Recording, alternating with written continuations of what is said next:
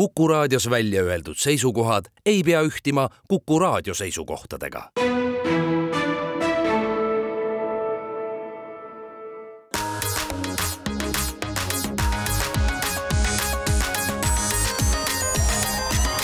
digitund. digitunnile ja digimaailmale annab hoogu Telia. tere hommikust, head Kuku raadio kuulajad, on e- esmaspäev, kaheksas jaanuar ja Mait Tafenau, Indrek Vaheoja ning Andrus Raudsalu tervitavad teid siit kahe tuhande kahekümne neljanda aasta esimesest Digitunni stuudiost. ja me mõtlesime nii, et me teeme selle siiski äh, tänase saate sellise, et me ei äh, hakka väga sobrama minevikus äh, ja ei hakka ka väga ennustama tulevikku, natuke me sellest kindlasti räägime, noh, nii nagu aastavahetusele kohane, aga tegelikult alustame ikkagi kõigepealt uudistega, sellepärast et see on see, mida te ju meie juurde kuulama tulete. ja tervitame siis äh, äh Vulcan Centauri raketi kangelaslikku meeskonda, nimelt siis täna kell üheksa kaheksateist äh, USA-st Canaverali Neemelt siis startis äh, suur, äh, vist üks võimsamaid era siis ettevõtte poolt ehitatud rakette kuu poole ja see rakett kannab siis endas nii USA kui Mehhiko kuukulgurit ja veel üht-teist muud tehnikat, mis on siis osa ka Artemise programmist, mille eesmärk on siis äh, lähema kümnendi jooksul tekitada kuul ka püsielanikkond. ja noh, ütleme, et see rakett siis küll kuuni jõuab ja need kuukulgurid kuule peaksid jõudma umbes äh, vabariigi aastapäeva paiku, aga hetkel siis äh, start tõepoolest on läinud hästi ja ja kellel huvi on, siis vist küll, ma ei tea, kas live-ülekanne on juba läbi, aga, aga võib siis seda järgi vaadata, kas siis Postimehes on üks vastav artikkel või otsige Youtube'ist aga äh, lähme siit hetkel edasi. on äh, otseülekanne lõppenud, et Youtube'is saab ju ka näha, jah? jah, et saab ju järgi vaadata. Igal juhul tähendab see seda, et raketi start oli edukas ja midagi nagu õhku ei lennanud, mida alati nagu kardetakse no,. midagi, mis ei pidanud õhku lendama, see ei lennanud, eks, mis pidi õhku lendama, see lendas. jah, tavaliselt ikka need raketi stardid kipuvad äh, bussi minema just seal algusetapis, nii et äh, praegu, kui ta juba siis on äh, küll vist hetkel kuidagi tiirleb ümber maa, et siis mingil hetkel rebida siis äh,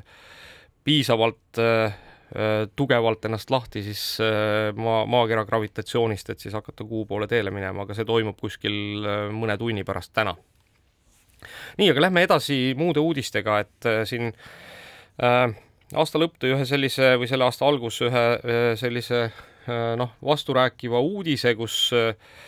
riik on siis teatanud äh, läbi Tehnilise Järelevalve Tarbijaameti, et äh, on, on plaanis hakata siis järjekordselt äh, riigil siis kuidagi ligipääsu tõkestama nendele veebisaitidele, mis tegelevad piraatlusega.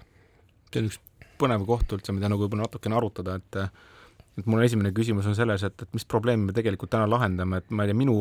silmis piraatlus kadus enam-vähem sellel ajal, kui tegelikult meie turul tekkisid üldse võimalused nagu legaalselt asju tarbida, et, et meil on pood, kus tarkvara osta, täna väga mugavalt ostad internetist ja kõik see videosisu, eks ju, ja audiosisu samuti, et noh, Spotify tuli, tulid Netflixid, Disney plussid, kõik muud striimiteenused, ka kohalikud teleoperaatorid pakuvad väga head filmiraamatukogu, et kes viitsib üldse tõmmata endale kuskilt internetist midagi, unless seda ei ole kuskilt mujalt saadaval, et, et noh, selles see probleem, mida me lahendame ei ole mitte piraatlus kui piraatluse pärast, et ma ei taha maksta, vaid mul on, ma ei tea, mul vähemalt ei ole uuringut, võib-olla ma ise nagu võib-olla olen inimene, kes on kallutatud ja saan lubada endale neid striimiteenuseid, aga aga mulle natukene tundub, et et, et piraatlus on võib-olla nagu täna olemas ainult veel sel-, nendele asjadele, mida veel endiselt ei saa legaalselt, et, et see probleem on teises kohas ma arvan, et alati on olemas ka mingisugune käputäis inimesi, kes põhimõtteliselt, põhimõtteliselt mitte jah, millegi eest mitte midagi maksta ei taha, nii et noh, nüüd iseküsimus on see, et, et, et kas nende inimeste kogus on tõesti nii suur, et nendega peaks nüüd kuidagi nagu riiklikul tasemel noh, nii-öelda spetsiaalselt tegelema ja selleks ja seadus, ilmselt ja selleks, ja, selleks ja selleks ka ilmselt raha kulutama, on ju, nii seadusloomeks kui ilmselt hiljem nagu tehnilisteks lahendusteks. noh, kuigi ega siin on teistpidi, on jällegi see, et et eks me tahame olla nagu noh, ütleme tsiviliseeritud riikide peres ja ja selle tõttu on ka oluline, et me ikkagi tunnistame seda, et autorid saavad oma tööde eest tasu, seepärast et loogiline on ju see, et see, kes on autor, see, mida ta, tema looming ongi tema töö ja, ja täpselt nii nagu noh, ma ei tea, ehitaja saab tasu selle eest, et paneb kivid seina, eks, ja sellest tuleb müür, siis autor peab tasu saama selle eest, et ta on oma loomingu andnud siis inimestele nautimiseks ja, ja, ja noh, tal on ka nagu täiesti õigustatud äh, vaata üldjuhul, kui me kui me näiteks taksoga sõidame, siis meil ei teki küsimust, et kas me taksojuhile nagu maksame sõidu eest või mitte, et noh, pigem ikkagi maksame, eks ole, aga kui me noh, ma ei tea, kuulame muusikat kuskilt, siis tekib küll, et aga, aga miks ma peaksin selle eest maksma. siis tekib nüüd olukord, et kus sa mõnes mõttes tahaksid selle taksoga sõita, eks ju, aga taksojuht nagu ei ole nõus nagu pehmelt öeldes ühegi nagu maksivahendiga seda raha nagu vastu võtma ja siis nagu ajab sulle kiusu pehmelt no öeldes. vaata, ega siin, ega siin Mait, noh, ütleme, et, et ma saan aru, millele sa vihjad, et noh, et võib-olla kõik sisu ei ole Eestis sellisel kujul saadaval, nagu me tahaksime. aga eks siin on ka nagu mingisugused äh, kaugemad probleemid, et noh, võib-olla kogu see sisu levitamise mehhanism, eks ei ole nagu internetiajastule järgi tulnud selliselt, nagu võiks ja noh, ütleme, et mõned äh, mõtted või noh, mõned äh, hin-, hoiakud on ikkagi kuskil veel noh, selles ajas, kus ma ei tea, filmid liikusid äh, suurte filmirullidena, eks mitte kõvaketastena ühest kohast teise. Ja ja, ja, ja, ja, ja, ja selles mõttes äh, noh, siis oligi võimalik kontrollida, eks, et noh, et, et kuidas siis nagu see füüsiline koopia mingisugusest teosest kuhugi jõuab, noh, täna digitaalsel ajastul loomulikult seda ei ole võimalik kontrollida, aga noh, jätkuvalt on see, et kui autor mingisuguselt turult raha ei saa, on ju, noh, mis iganes see põhjus on, et kas seal turul puudub siis keegi, kes on valmis teda esindama, on ju, seda raha kokku korjama, või talle tundub, et seda raha korjatakse kokku, noh, ma ei tea, valedel alustel või või liiga vähe või mis iganes, siis tegelikult on tal õigus noh, öelda, et ma ei müü, eks, et noh, täpselt nii nagu noh, ma ei tea, et äh, restoranipidajal on õigus nagu noh, ma ei tea, tõenäoliselt keelduda teenindamast kedagi, kes äh, tuleb restorani ja noh, võib-olla häirib seal teisi külastajaid või, või ei näe väga viisakas välja. niipidi ka, et vahel on natukene kurb tunne see, kui sa, sul on noh, keegi on loonud mingi materjali, mida kõik tahaks väga saada ja sul ei ole, noh, ma ei tea, kas kõik, aga noh, võib-olla mitte nii suur hulk kõiki siis et aga, aga autoril endal ei ole nagu võib-olla ka endal vahendeid, et seda nagu pakkuda nagu nii paljudele turgudele või vahenditele kohtadele ja siis sa oled nagu kahvlis, et, et, et noh, sul on hulk inimesi, kes tahaks näha, aga, aga kuna üheltki platvormilt sinu sisu ei leia, siis äh, mis sa siis teed, eks ju? no mulle tuli praegu ma ei tea, kas te, kas te mäletate, millal meil Eestis oli üldse viimane selline tõsisem piraatluse kohtuasi kas või, või juhtum? no see ikka lõ- lõhnab selle järgi, et see ei ole ammu enam ei, teema. oli küll, meil oli siis kaks tuhat kakskümmend kaks lõpul ja kaks tuhat kakskümmend kolm ka, kui oli see selline reality sari nagu Villa, mille siis muidu üks episood vist äh, maksis kas kolm üheksakümmend äkki või midagi sellist ja siis seal oli üks kolm üheksakümmend üheksa maksis jah, ja üks koolipoiss siis äh, oli, kes siis üles laadis need kõik osad teistele ja seal oli küll, seda mahtu oli, oli väga palju. nii et, et võib-olla vaata, me siin varem rääkisime sellest, et noh, ma ei tea, meie jaoks ei ole see piraatlus enam nii teema, kuna on siin voogedastusplatvormid ja sul on võimalik Spotify'd ja, ja mida iganes asju kasutada ja nii edasi. aga võib-olla näiteks just nimelt no ütleme, selline noorem põlvkond, kellel ei, ei ole kõiki äh, majanduslikke võimalusi iga erineva teenuse eest kogu aeg maksta või ei taha seda teha, et äh, võib-olla seal on see noh, sama piraatluse teema ikkagi väga-väga tugevalt üleval, ma, ma ei tea, mul No mul kodus ei ole sellist probleemi. no ma ei tea, ma arvan, et võib-olla peaks selle teema tänaseks kinni panema, et selge on see, et noh, kui sellega tegeletakse, ju siis on põhjust, eks ju, minul mingit ar- ar- ar- ar- aruannet kuskilt selle kohta ei ole, kui suur probleem see tegelikult on, eks ju, et noh, ju see probleem ikkagi eksisteerib ja aga no kui siit korraks veel seda teemat puudutada, siis seal eh, võib-olla lihtsalt küsimus see, et, et eh, noh, oli seal mingi uuring, mida siis Justiitsministeerium, millele viitab, et mille kohaselt siis Eesti eh, inimesed külastavad piraatlusele suunatud veebiplatvorme siis ühe internetikasutaja kohta oluliselt rohkem kui mujal Euroopas, aga siis tegelikult eh, tuleb välja, et see uuring ütleb hoopis seda, et meie inimesed ei kasuta nii palju VPN-i ja ei varja seda käimist, et mujal võib-olla tehakse seda ikkagi sama palju, aga lihtsalt kuna VPN-i kasutatakse, siis see info ei jõua kohale. jah, me tegelikult ei tea, eks ju. aga see selleks. aga, aga mina, mina, mina kohe siin võtaks ühe teise olulise uudise, kus samamoodi on siis hakatud eh, noh, ära keelama ja eh, see puudutab siis seda, et Google on tegelikult päris pikalt rääkinud sellest, et ka kavatseb siis keelata Chrome'i brauserit, mis teatavasti on maailma kõige enam levinud brauser, mida kasutab noh, jämedalt umbes kuuskümmend protsenti interneti kasutajatest Äh, keelata ära siis kolmanda osapoole küpsised ehk eh, õigemini tegelikult üldse kõik küpsised vist nüüd täna, tänase seisuga juba. Kõik ikka, jah. jah, just, et, et, et tegelikult kogu see tehnoloogia, millega siis noh, ütleme, et äh, internetis erinevaid teenuseid pakkuvad ja müüvad ettevõtted on siis kuidagi oma kasutajaid jälginud, äh, läheb äh, nii-öelda õhtale. See on ja... nüüd naljakas koht, vaata, kus ma ütleks kohe esimese asjana, et noh, mina ei tea, okei okay,, mina ei ole kursis sellega, et kas piiratakse ära kõik küpsised, ma tean, et räägitakse kolmanda osapoole küpsistes, et siis Indrek ei saa jälgida minu kodulehel olevat materjali, minu kasutajate tegevust aga kui me mõtleme küpsiste peale, siis küpsised ei ole kunagi olnud mingisugune tracker kui selline. see on koht, kuhu sul on võimalik talletada mingit informatsiooni, mis sa veebilehel teed, noh, logisid sisse, panime kuskile kirja, Indrek logis sisse, panime sinna mingi võtme ja me teame, et see on Indrek. või noh, ma ei tea, valisid, et mu taustajärv on must, noh, mhm. panin küpsistesse kirja et noh, selles mõttes kuhugi sa pead selle kirja panema, et noh, küpsised võib-olla ei ole selles mõttes rele-, relevantsed, et tegelikult küpsiste asemel on veel muid storage'id, et noh, vanasti oli flash'i storage, täna on olemas niisugune brauseril muud storage'i nagu objektid, et, et et võib-olla küpsis on oma aja lihtsalt ära elanud, ta ei mahuta nii palju datat, kui sinna tahaks tegelikult salvestada aga noh, see on juba nagu palju keerulisem küsimus, eks ju, et jah, ega see ongi ikkagi, äh, minu arusaamine on see, et Google mitte ainult ei taha keelata ära kolmanda osapoole küpsiseid, mida tegelikult on juba tehtud, eks on ju, aga vaid ta tahab ikkagi ära keelata küpsised kui sellised üldse, kui noh, ütleme siis mõnes mõttes ka võib-olla obsolete technology, eks, või, või noh, oma ajale jalgu jäänud tehnoloogia ja hakata siis selle asemel pakkuma nagu teisi lahendusi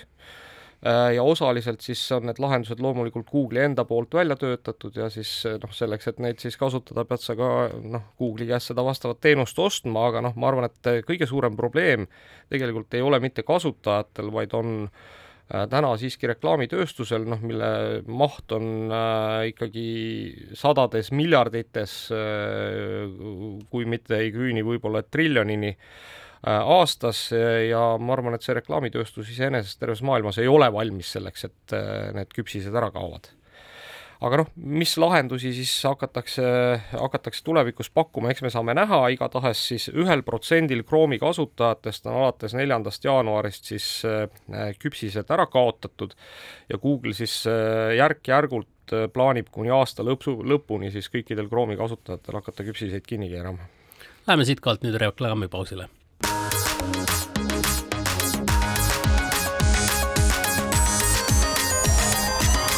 digitund. digitunnile ja digimaailmale annab hoogu Telia. digitund jätkab, stuudios on Andrus Raudsalu, Indrek Vaheoja ja Mait Tafenau ning kui me eelmises tunnis rääkisime natukene selle liikumisvabaduse piiramisest, ehk siis äh, põhjusest, et mõned inimesed ei oma piisavalt raha ja, ja, ja, ja võib-olla teevad piraatlust sellepärast, et, et ei saa midagi lubada, siis pikka aega on olnud juttu sellest, et GPT-4 on tasuline, eks ju, ja noh, ta on olnud tasulisena kogu aeg ja, ja nüüd tekkis tegelikult võimalus seda kasutada ka tasuta, et Microsoft kasutab siis seda osavat nüket, ehk siis äh, nad on teinud äh, diili, et, et kui sa tõmbad endale täna telefoni Copiloti rakenduse, siis seal on GPT-4 tasuta ja kõigile. et kui sa lähed OpenAI juurde, kes siis seda toodab, nende juures on see endiselt tasuline, noh, ma isiklikult küll natukene usun, et kohe on välja tulemas neli koma viis, millest on tükk aega räägitud ja mida võib-olla isegi mõned inimesed on juba saanud kasutada, ilma et nad seda teaksid, sest seda ei ole lihtsalt välja öeldud, siis siiski samal ajal jah, Microsofti juures on võimalik seda tasuta kasutada ja teine oluline asi toimus sellega veel et, et kui muidu me rääkisime kogu aeg, et tegemist on pingi chatiga, siis noh, mingisugusel hetkel on Microsoft ka aru saanud, et see Copilot on oluliselt suurem asi kui ping. Ja kui sa Copilotiga rääkima lähed, siis äh, ta endiselt räägib, et noh, et me pingist äh, nüüd äh, pingi poolt kirjutame sinule vastuseid, aga nad on ikkagi selle katusel, mis on ühesõnaga ping on olnud, kuna väiksem asi, siis ta oli nagu justkui nagu väga suure asja katuseks oli väike toode nimega ping. Et on rebranditud kogu see loogika, nii et edaspidi me räägime sellisest tootest nagu Copilot Microsofti puhul jah, ja kõigil neil kasutajatel, äh, kes siis, või vabandust, meie kuulajatel, kes ei ole siis kasutanud veel äh, ühtegi siis sellist äh, suurt tehisintellekti mootorit, siis see on kindlasti võimalus, Copiloti äpp on täna saadaval nii Androidile kui iOS-ile, nii et tõmmake see endale telefoni ja, ja, ja proovige, mängige sellega ja vaadake, kas ta suudab teile anda mõistlikku nõu. kindlasti on noh, ütleme, et siis Copilot teinud nagu suure arenguhüppe võrreldes sellest, et kui me siin möödunud aasta keskel rääkisime Pingist, kes ajas nagu suhteliselt segast juttu vahepeal ja, ja noh, üritas siin pere sees inimesi omavahel tülli ajada ja, ja, ja, ja, ja kellelgi abikaasat üle lüüa, siis noh, see arenguetapp on läbitud, nii et tegelikult on tegu päris mõistliku tööriistaga, mis aitab teil tõenäoliselt päris palju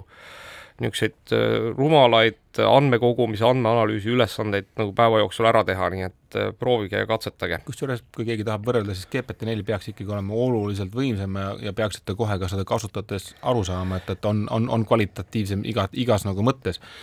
üks huvitav uudis siia Copiloti juurde veel, et kui me juba sellest räägime, siis te teate, et klaviatuuri peal on alati olnud nagu Apple'il on see õunanupp nii-öelda ja, ja Windowsi arvutitel see Windowsi nupp ehk siis see lipuga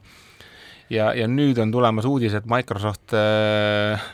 on väljastamas siis klaviatuurile update'i, kus siis üks nendest nuppudest muutub Copiloti nupuks, et see Copilot oleks sulle veel rohkem käepärast, et nii kui sa tahad talt midagi küsida, siis vajutad ühte kindlat nuppu ja kohe see jutu, juturobot ka ekraanile tuleb. no see ilmselt näitab ka seda, et kui oluliseks siis ikkagi äh, Microsoft peab sedasama siis tehisintellekti abil tehtud äh, või noh, toetatud töö tegemist ja ja, ja noh, tõepoolest, ega ma arvan, et, et see on üks asi, kus me näeme sellel aastal ilmselt väga suuri muutusi üldse selles, et kuidas maailmas inimesed tööd teevad, aga selle juurde me jõuame ka mingil hetkel oma saates äh,. räägime veel natuke uudistest ja kui me juba siin tehisintellektist rääkisime, siis võib-olla jätkame ka äh, tehisintellekti lainel, nii et äh, mitu olulist tehisintellekti uudist äh, tuli siin aastavahetuse paiku esiteks üks äh, väga selline äh, murettekitav uudis, nimelt siis teadlased uurisid erinevaid siis library'd, millega tehisintellekti õpetatakse. Ja üks nendest on siis selline andmebaas nimega Lion, millega on õpetatud siis päris mitut sellist äh, Äh, siis tehisintellekti programmi, mis ise joonistavad teksti alusel äh, pilte, noh näiteks Stable Diffusion on üks, mis on Lionit kasutanud, ja nüüd siis sellest samast äh, andmebaasist leiti siis umbes kolm tuhat kakssada pilti, kus võis kahtlustada siis mingisugust siis äh, Äh, seksuaalse alatooniga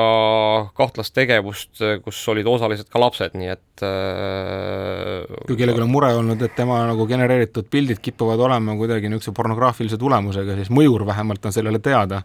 Te ei ole te ise süüdi selles, eks ole? jah, et ei kirjutanud kehvasti, vaid lihtsalt nagu noh, masin on treenitud niisuguste piltide pealt. aga noh, see näitab seda, et kui palju ikkagi on veel maailmas teha selles, sellel teemal, et, et, et tegelikult need materjalid, millega tehisintellekti õpetatakse, oleksid adekvaatsed ja noh, ütleme, et vastaksid võib-olla siis ka meie nagu mingisugustele eetilistele standarditele, et, et aga mõnes mõttes sa avasid nüüd järgmise niisuguse nagu ussipurgi, ma ütleks, et, et vaata,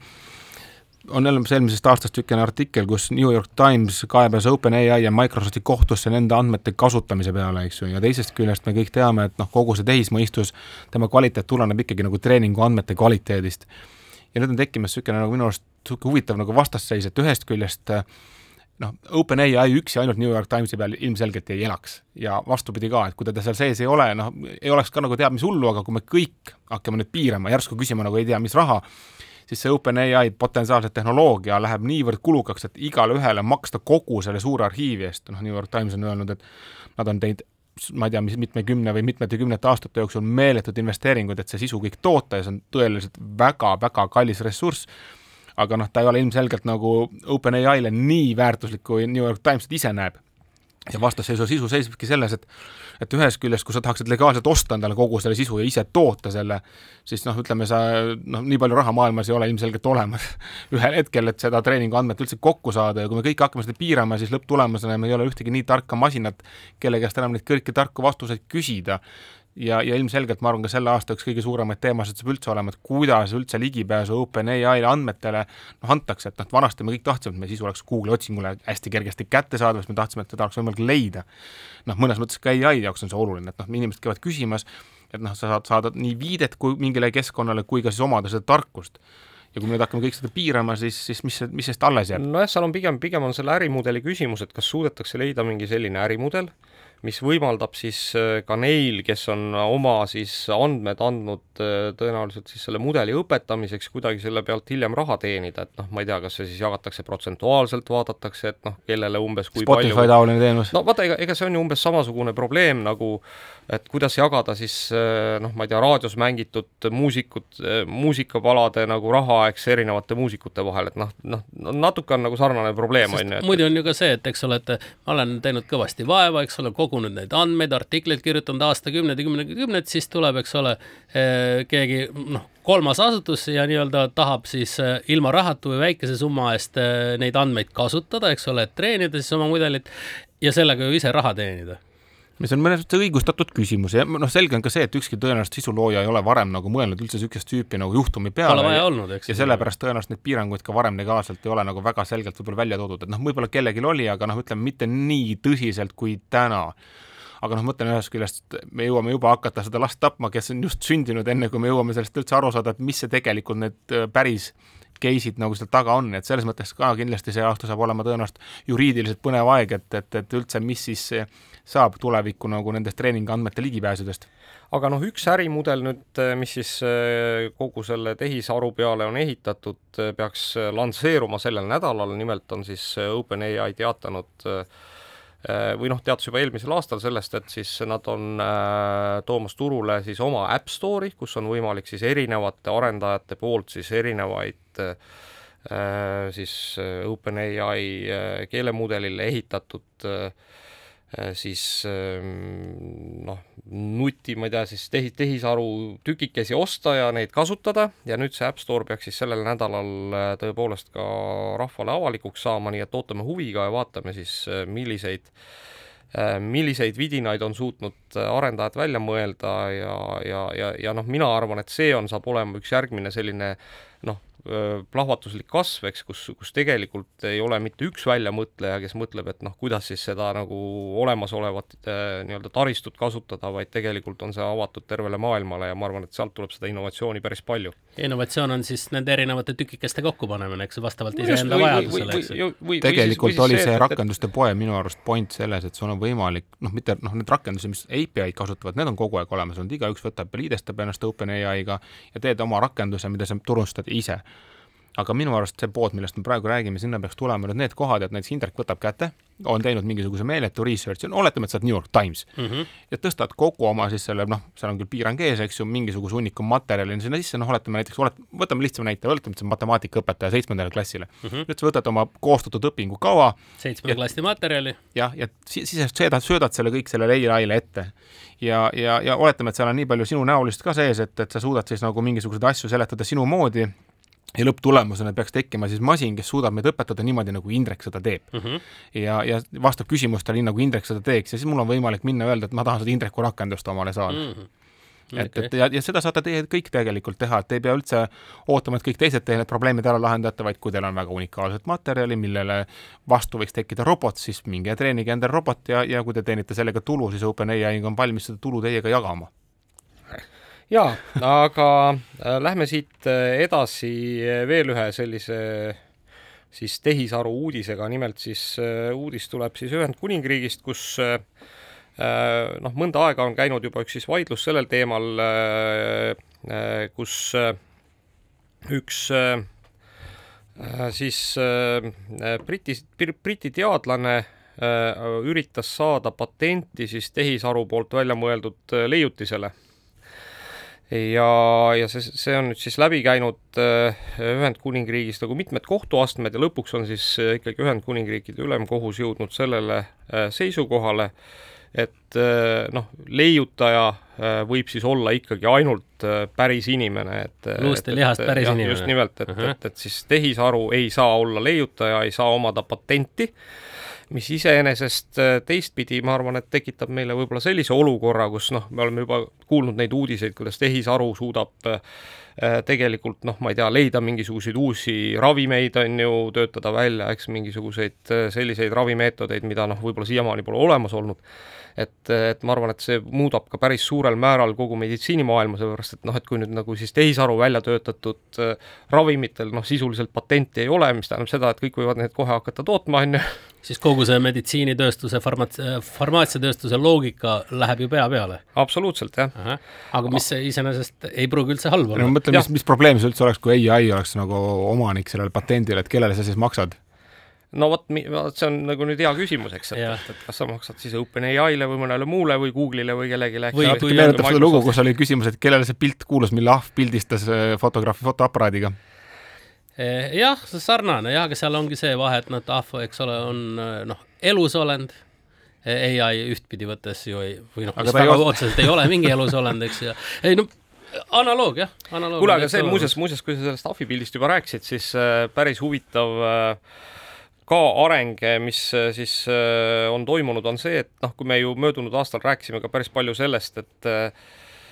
et on tekkinud siis vähemalt nutitelefonidesse sellised kaamerad, mis noh, sisuliselt äh, kasutavad siis kaamera äh, läätsest tulevat äh, noh, maailmapildi, pilti nii-öelda sisendina tehisintellektile selleks, et joonistada nagu noh, Parem parem pilt on ju.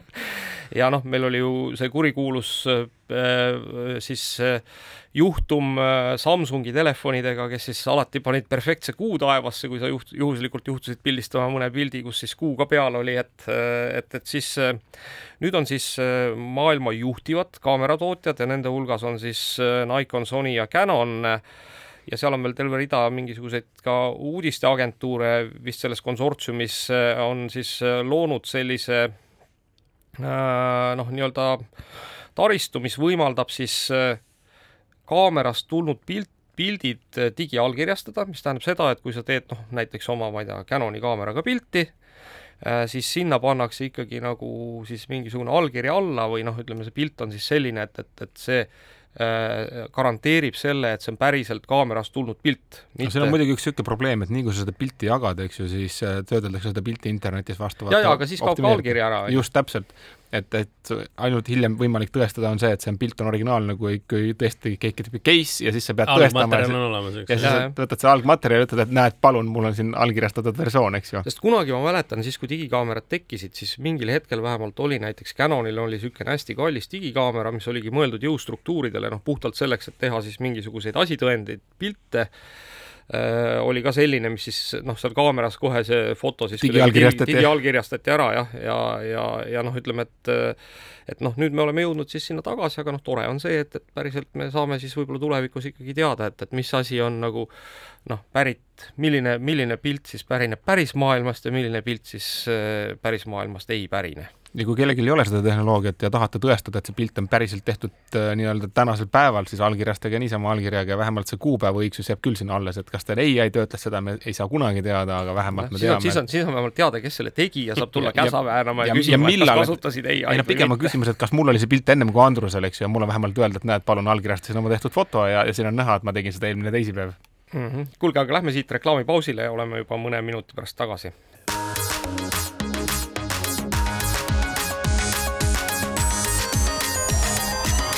Digitund. digitunnile ja digimaailmale annab hoogu Telia. Äh, digitund jätkab siit äh, mm, siis aastavahetuse tehnoloogiauudiste kajastamise lainel ja äh, võib-olla siis äh, hüppame korraks automaailma ja noh, mul on ausalt öeldes äh, natukene isegi seda uudist lugedes oli kurb meel, et meil siin obstruktsioonikogu on juba umbes pool aastat võimetu väljastama ühtegi mõistlikku seadust või, või, või, või tegelema seadusloomega, et siis äh, näiteks äh, toon lihtsalt äh, paralleeli, et võib-olla siis tekib kellelgi inspiratsioon ja ja, ja võib-olla ikkagi hakkavad asjad liikuma, et näiteks Ühendkuningriikides äh, on siis äh, nende parlament teinud väga kiiret ja, ja siis äh, efektiivset tööd ja töö käib siis selle nimel, et tegelikult isesõitvad autod jõuaksid Ühendkuningriigi teedele juba kahe tuhande kahekümne kuuendal aastal ehk sisuliselt kahe aasta pärast. ja noh, loomulikult ei ole see mingi väga lihtne küsimus, sellepärast et seal on te tegelikult terve rida äh, olulisi seadusemuudatusi vaja sisse viia äh,, mis kõik siis puudutab noh, nii kogu juriidikat äh,, igasuguseid reeglistikke ja nii edasi ja, ja noh, ütleme, et äh, suurepärane, ma arvan, et, et noh, meie ilmselt kipume ka siin täna tänu seadusloomele, eks jääma muule maailmale tõenäoliselt jalgu. ja no see on selge, et kui sa tahad, et riik või ütleme, innovatsioon tuleks sinu riiki, eks ju, siis sa pead olema see, kes paistab niisuguste asjadega silma, et sa toetad ja annad võimaluse ja, ja, ja koha, kus siis nagu tegelikult oleks võimalik seda innovatsiooniga kiiremini katsetada, sellega kuskile edasi liikuda ja nii edasi ja olla ise eeskujuks, aga noh, ilmselgelt me tegelikult täna nendes küsimustes oleme pigem järeljooksjad ja ja kui me mõtleme kogu aeg sellest, et me oleme selle e-riigi ja e, e kogu asja nagu niisugune isad, eks ju, siis tegelikult ikkagi me olime seda ainult pigem tänu juhusele, mulle tundub. no nüüd nagu... on meid ära pensionile saadetud. jah, pigem, pigem midagi sellist. algus sai on... kunagi tehtud, aga edasi eh, vaata see tiiger nii-öelda, ega ta ise ei jookse ja, mm. -hmm. jalad kulusid alt ära ja sinna see ussike jäi. visionääridest natukene puudus jäänud jah, et need visionäärid, kes meil tegelikult selle e-riigi täna lõid, eks ju, on võib-olla nagu pensionile läinud pehmelt öeldes kahjuks. või siis parematele jahimaadele, teine võimalus. jah, ja ei ole neid uusi nagu innovaatoreid nagu tulnud, et tegelikult ma ütleks ausalt, Eesti otsib visionääri või? ja, jah, kusjuures see, et parematele jahimaadele läinud ei ole mitte siis etteheide ikkagi nendele visionääridele, vaid noh, pigem etteheide meile kõigile, eks, ja, ja, ja, ja, ja meie tänasele poliitilisele süsteemile, mis ei võimalda siis sellist innovatsiooni võib-olla sellises mahus, et, et ja seal tekibki visionääridel soov, et noh, võib-olla siis kulutaks oma aega kuskil mujal mõistlikumalt. jah, kus ei ole peaga vastu seina jooksmist nii palju võib-olla. just, aga räägime veel natuke autodest. nimelt siis Hiinast on saabunud selline uudis, et Hiina autotootja JAC Motors, kes, kelle muuseas üks omanikke on ka Volkswagen, plaanib siis Hiinas tuua massiturule auto, millel on siis tavapärase liitium-ioonpatarei asemel naatriumi-ioonpatarei ja miks see on oluline, on see, et äh, naatriumit esiteks on nagu maailmas oluliselt rohkem kui liitiumi äh, ja, ja, ja, ja teiseks on seda oluliselt lihtsam äh, kätte saada kui liitiumi. ja kolmandaks on siis ütleme, et siis sellise naatriumi-ioonpatareiga või akuga autot ka oluliselt külma kartmatumad, ehk, ehk siis erinevad temperatuuri kõikumised neid väga ei mõjuta, tõsi, siin on üks, neil on üks probleem, nimelt siis naatriumioon akud tänapäeval on oma energiatiheduselt äh, natuke kehvemad kui liitiumioon akud, aga noh, see võib-olla, eriti kui me räägime võib-olla linnasõiduautost, ei ole isegi väga suur probleem, et noh, kui lõppkokkuvõttes meile tekivad vähem loodust reostavamad, äh, odavama nii-öelda akuga autod on äh, suurepärane ja noh, see, et neid ikkagi hakatakse tootma Hiinas, mis on ju tegelikult elektriautode kuningriik, eks, äh, ja üldse kogu elektromobiilsuse kuningriik, siis see ikkagi näitab seda, et, et seal nagu sellel masstootmisel on jumet. Minu arust on selles mõttes ka hea näide, et kui me kõik räägime täna nagu elektriautodest kui tulevikust ja paljud on väljendanud muret, et noh, see tootmine tegelikult on kohutavalt must, siis noh, teisest küljest noh, siiamaani oligi, aga selles valdkonnas ei olnud lihtsalt ka nii palju nagu võib-olla äh, jällegi neid visionääre ja, ja uudishimelikke, kes siis on huvitatud üldse töötama välja mingeid moodsamaid tehnoloogiaid, mis niisugusel skaalal üldse vastu peaks, aga nüüd, kui see nagu teema on väga päevakorral, ma usun, niisuguseid tüüpi uudiseid tuleb sellel aastal veel ja järgmine aasta veel, et, et kus siis on jälle leitud efektiivsemaid viise, kuidas tegelikult noh, ükskõik mis, mis asja arvelt, et noh, see optimeerimise küsimus. aga, aga noh, just siin ongi oluline, et tegelikult vaata neid igasuguseid akutehnoloogia muudatuse uudiseid on noh, viimaste aastate jooksul tulnud nagu noh, ega seeni pärast vihma, eks selles ja. mõttes, et noh, kogu aeg on nagu mingi ägedam, veel energiatihedam ja nii edasi aku leiutatud, on ju, aga noh, ükski neist ei ole masstootmises, eks, aga nüüd see, et suur Hiina autotootja tuleb tegelikult masstootmises välja nagu noh, teistsuguse akuga autoga, see on, ma arvan, ikkagi nagu noh, ütleme, et siis paradigmat muutev nagu olukord, on ju. Äh, kusjuures äh, rääkides Hiina autotootjatest veel, siis äh, tuntud telefonitootja Xiaomi on nüüd siis ikkagi seljatanud Apple'i, et noh, teatavasti Xiaomi on ju ammu, teda on nimetatud Hiina Apple'iks ja nii edasi, et et ja noh, kui me oleme siin pikki aastaid oodanud pikisilmi Apple'i autot, siis äh, Apple'i autot äh, veel kuskilt ei paista, aga Xiaomi auto juba paistab. nimelt Xiaomi siis näitas äh, autot nimega SU7 ja siis see SU siis tähendab Speed Ultra ja, ja noh, sisuliselt on siin juba mingid tehnoloogia-ajakirjanikud on teda nimetanud nagu ratastel iPhone'iks et tegu on siis vägagi Äh, vägagi võimeka autoga, äh, kus on siis kasutusel kõik kõige uuemad tehnoloogiad, äh, tema siis sõidu ulatus on oluliselt suurem kui näiteks Tesla tippmudelitel ja, ja noh, ütleme, et ka kõik muud tehnilised näitajad on nagu ikkagi väga kõrgest klassist, nii et äh, ja kusjuures see on nüüd siis nii-öelda Xiaomi esimene pääsuke ja nad on öelnud juba, et nad tulevad äh, turule siis terve rea nagu erinevate automudelitega, nii et päris huvitav, noh, tegu on ju teatavasti ikkagi väga suure Hiina tootjaga, kes on suutnud noh, vähemalt elektrooniliste vidinate ja igasuguste kodu nagu toodete turule tulla ikkagi väga suure pauguga, eks, et noh, alustasid nad telefoni tootmisest, on ju, noh,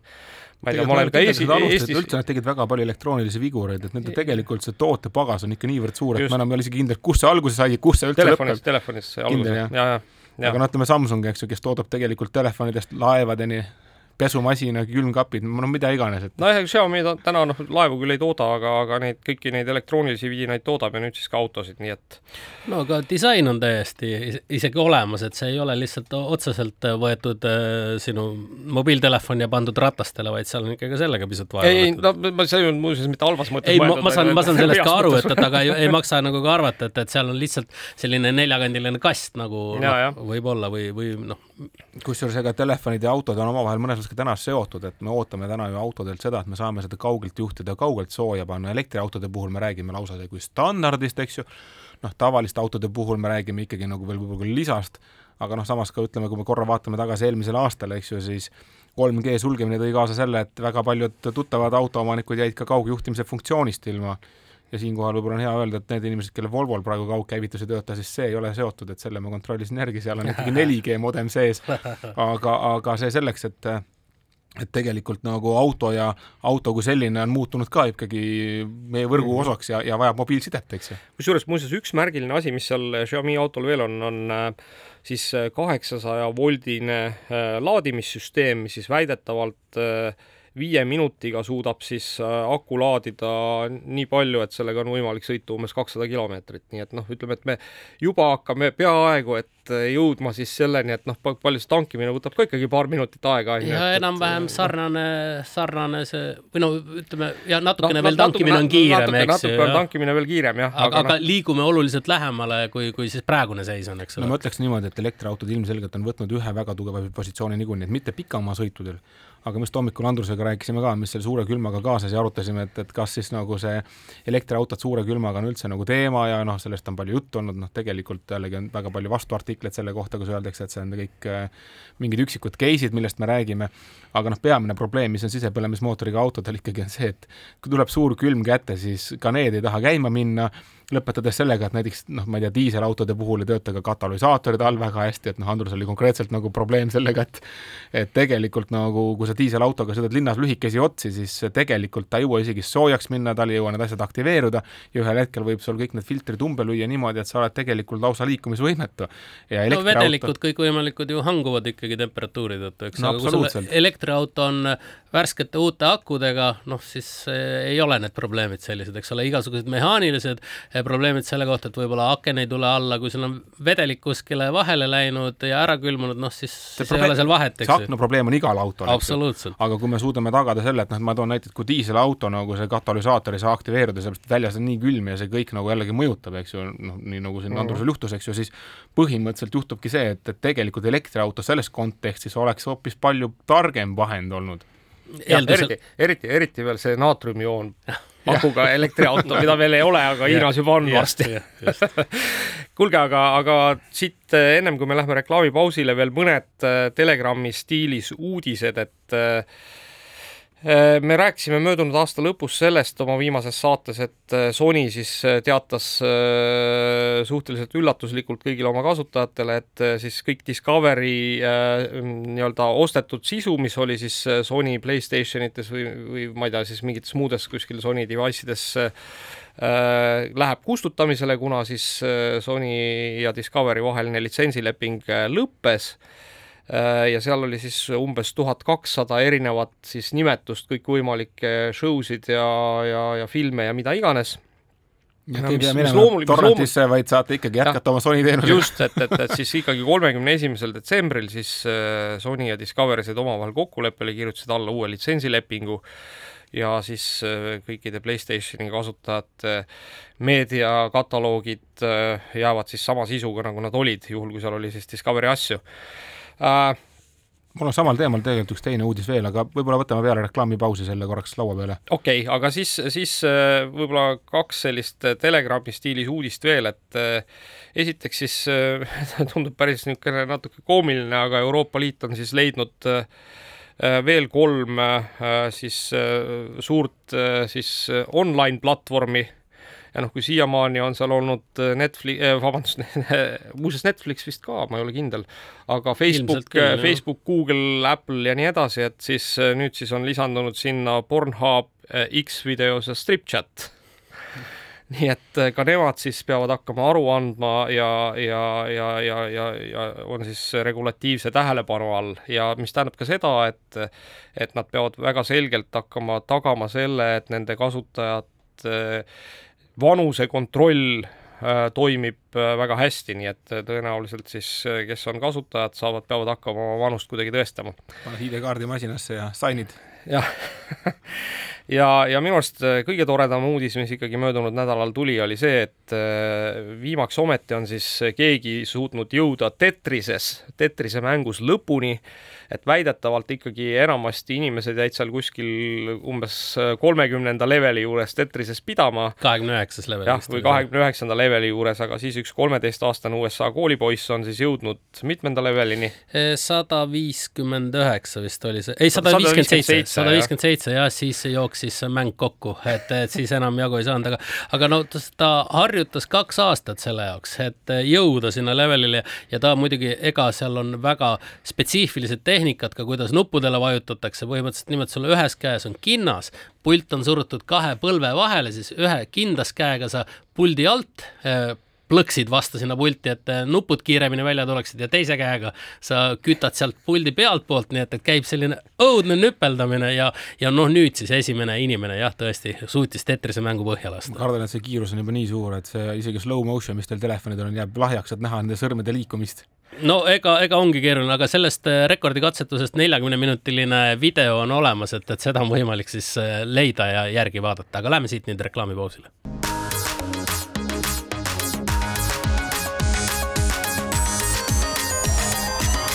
Digitund. digitunnile ja digimaailmale annab hoogu Telia. Digitunni viimane veerand alustab nüüd, stuudios on Mait Tafenau, Indrek Vaheoja ja Andrus Raudsalu. Ja äh, räägime nüüd natuke võib-olla sellest, et äh, mis tulevik meile toob. Äh,, ehk tegeleme siis natuke ennustamisega ka kahe tuhande kahekümne neljanda aasta vaates ja noh, võib-olla räägime ka sellest, et mis on need trendid siis, mis kahe tuhande kahekümne kolmandast aastast kahe tuhande kahekümne neljandasse aastasse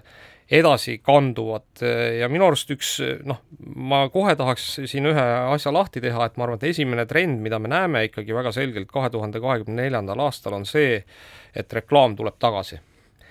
ja siin on äh, esimene pääsuke on juba äh, kohale jõudnud, nimelt siis Amazon Prime teatas seda, et äh, kõik siis Amazon Prime'i tellijad kes edaspidi tahavad vaadata siis neid pakutavaid videoid ilma reklaami vaatamata, peavad hakkama selle eest juurde maksma ja see oli vist äh, kaks ja pool dollarit kuus või kaks, kaks, kaks üheksakümmend üheksa kuus. kusjuures mina pean ütlema, et ma natuke olen häiritud sellest ja mulle natuke meeldis selles kohas Netflixi strateegia rohkem. Netflix tegi mida siis? ta tõi juurde odavama paketi ja ütles, et see, ah, selle odavama paketiga kaasneb selline tingimus ja nüüd mina tunnen, et Amazon Prime, eks ju, mida ma kasutan, noh, ma ei tea, võib-olla mingitel teistel turgudel on seal sisu oluliselt rohkem, aga meie turul on seal ikkagi nagu väga piiratud hulk sisu, noh, sisuliselt olematu hulk sisu, mul on seal üksikud asjad, mida ma olen tahtnud ära vaadata ja siis ma olen selle võtnud. Ja nüüd tunnen, et selle kalli raha eest, mis ma neile nagu maksan, selle eest hakatakse mulle ka veel sinna reklaame juurde näitama, et noh, et nad tegelikult rikuvad selle teenuse nagu minu jaoks täielikult ära, aga ma väga hästi saan aru, et mingi Saksamaa turul ma tean, et on neid lausa olemas seal mingid telekanalid ja noh, kõik muud asjad, mille peal päriselt käib programm no vähemalt noh, mingi playlist jookseb seal taga, eks ju, et, et sellel teenusel on palju, palju suurem sisu ja võib-olla need kasutajad ei tunne, et see nagu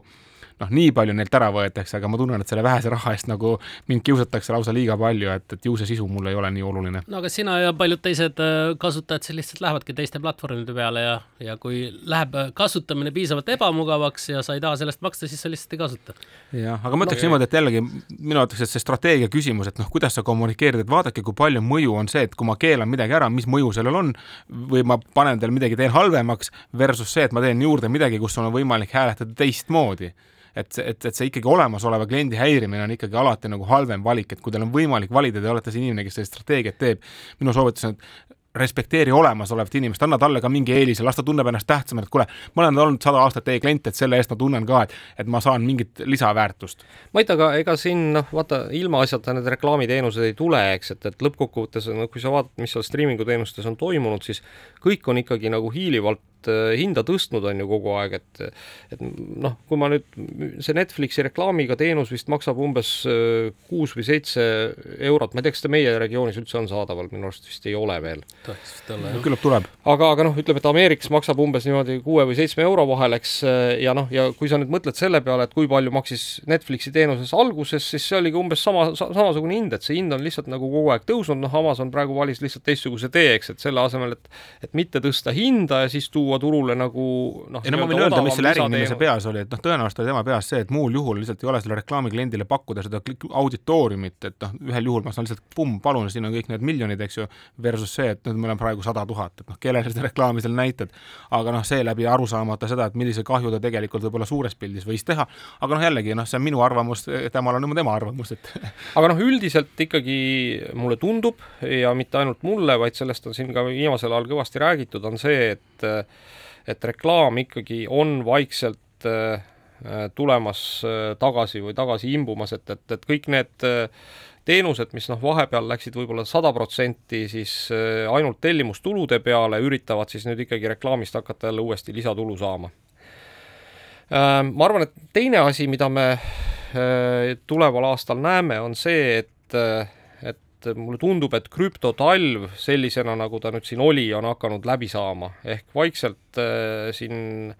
viimastel nädalatel on äh, noh, mingite krüptorahade hinnad hakanud tõusma äh,, inimesed juba vaatavad väga suure siis entusiasmiga jällegi tulevikku, noh, ütleme, et äh, ma arvan, et kindlasti on siin nagu noh, mõnes mõttes niisugune back to reality, eks, et, et, et, et see ei ole nagu täiesti äh, nüüd äh, ei toimu mingisugune lumepalli lõhkemine või õhupalli lõhkemine, vabandust, eks, aga, aga, aga tõenäoliselt midagi muutub ja mis muuseas on ka väga huvitav, on see, et et noh, erinevad äh, siis maailma riigid on ju rääkinud sellest, et äh, noh, tuleb ka riiklik krüptovaluuta, ehk see on siis see niinimetatud keskpanga poolt siis emiteeritud krüptorahad ja ja Euroopa Liit Eh, noh, on küll midagi siin teinud, eh, juba kaks tuhat kakskümmend üks nad alustasid siis ühte sellist pilootprojekti, kus erinevad siis eh, noh, teenusepakkujad pidid välja töötama siis krüptoraha lahendusi, aga nüüd on siis Christine Lagarde, kes on siis Euroopa Keskpanga president, teatanud, et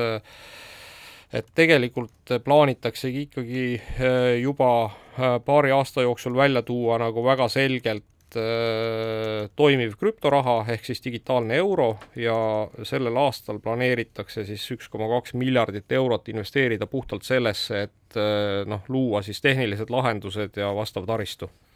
no kahe tuhande kahekümne neljandal aastal üks asi, mis kindlasti tuleb äh, ja noh, millest me oleme siin ka juba rääkinud, on see, et kõikvõimalikud pettused ja skämmid lähevad järjest paremaks, järjest äh, kvaliteetsemaks selles osas, et on väga raske aru saada, kuna siis ai äh, kõikvõimalikke kasutades saab ka häält kloonida ja, ja ütleme, psühholoogilised plaanid selleks, kuidas inimeste käest raha kätte saada, lähevad järjest-järjest paremaks ja leidlikumaks, siis selline eluterve skeptitsism selles osas igal juhul peaks Eh, peaks sellel aastal säilima, aga, aga noh, fakt on see, et, et need hullemaks need pettused lähevad ja järjest tihedamaks samamoodi. kusjuures, kusjuures me oleme vist paar korda ennustanud, et ikkagi Ameerika valimistel jällegi nagu noh, ütleme siis tehisintellekti loodud nagu mingisugused äh, deepfake'id hakkavad mängima olulist rolli noh, saab näha, mis nüüd siis selle aasta valimised toovad, et ma usun, et tegelikult noh, nüüd on, nüüd me oleme päriselt seal, kus, kus tegelikult ikkagi on võimalus äh, ka selles, et, et hakatakse päriselt inimesi mõjutama nagu siis mingisuguste deepfake idega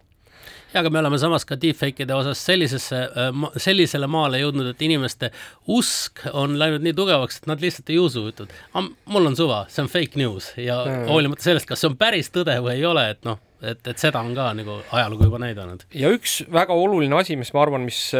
mis see aasta meile toob, on see, et äh, nutitelefonid muutuvad jälle ägedateks ja, ja nutitelefonid muutuvad ägedateks mitte selle tõttu, et seal tuleks mingisugune suur tehnoloogiline läbimurre kuskil riistvaras, vaid tegelikult ma arvan, et see tehnoloogiline läbimurre tuleb tehisintellektis ja tuleb siis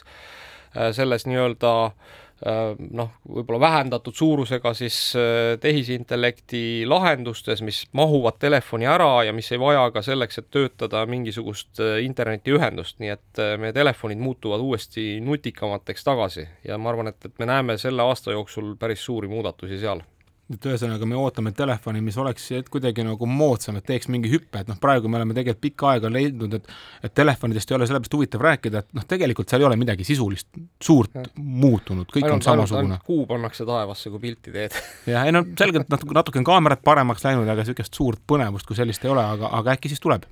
nii, aga noh, vot need on meie paar siis äh, sellist ennustust tulevaks aastaks, meie saateaeg on tänaseks läbi saanud, aitäh kõigile, kes meid kuulasid, teiega kohtume juba nädala pärast.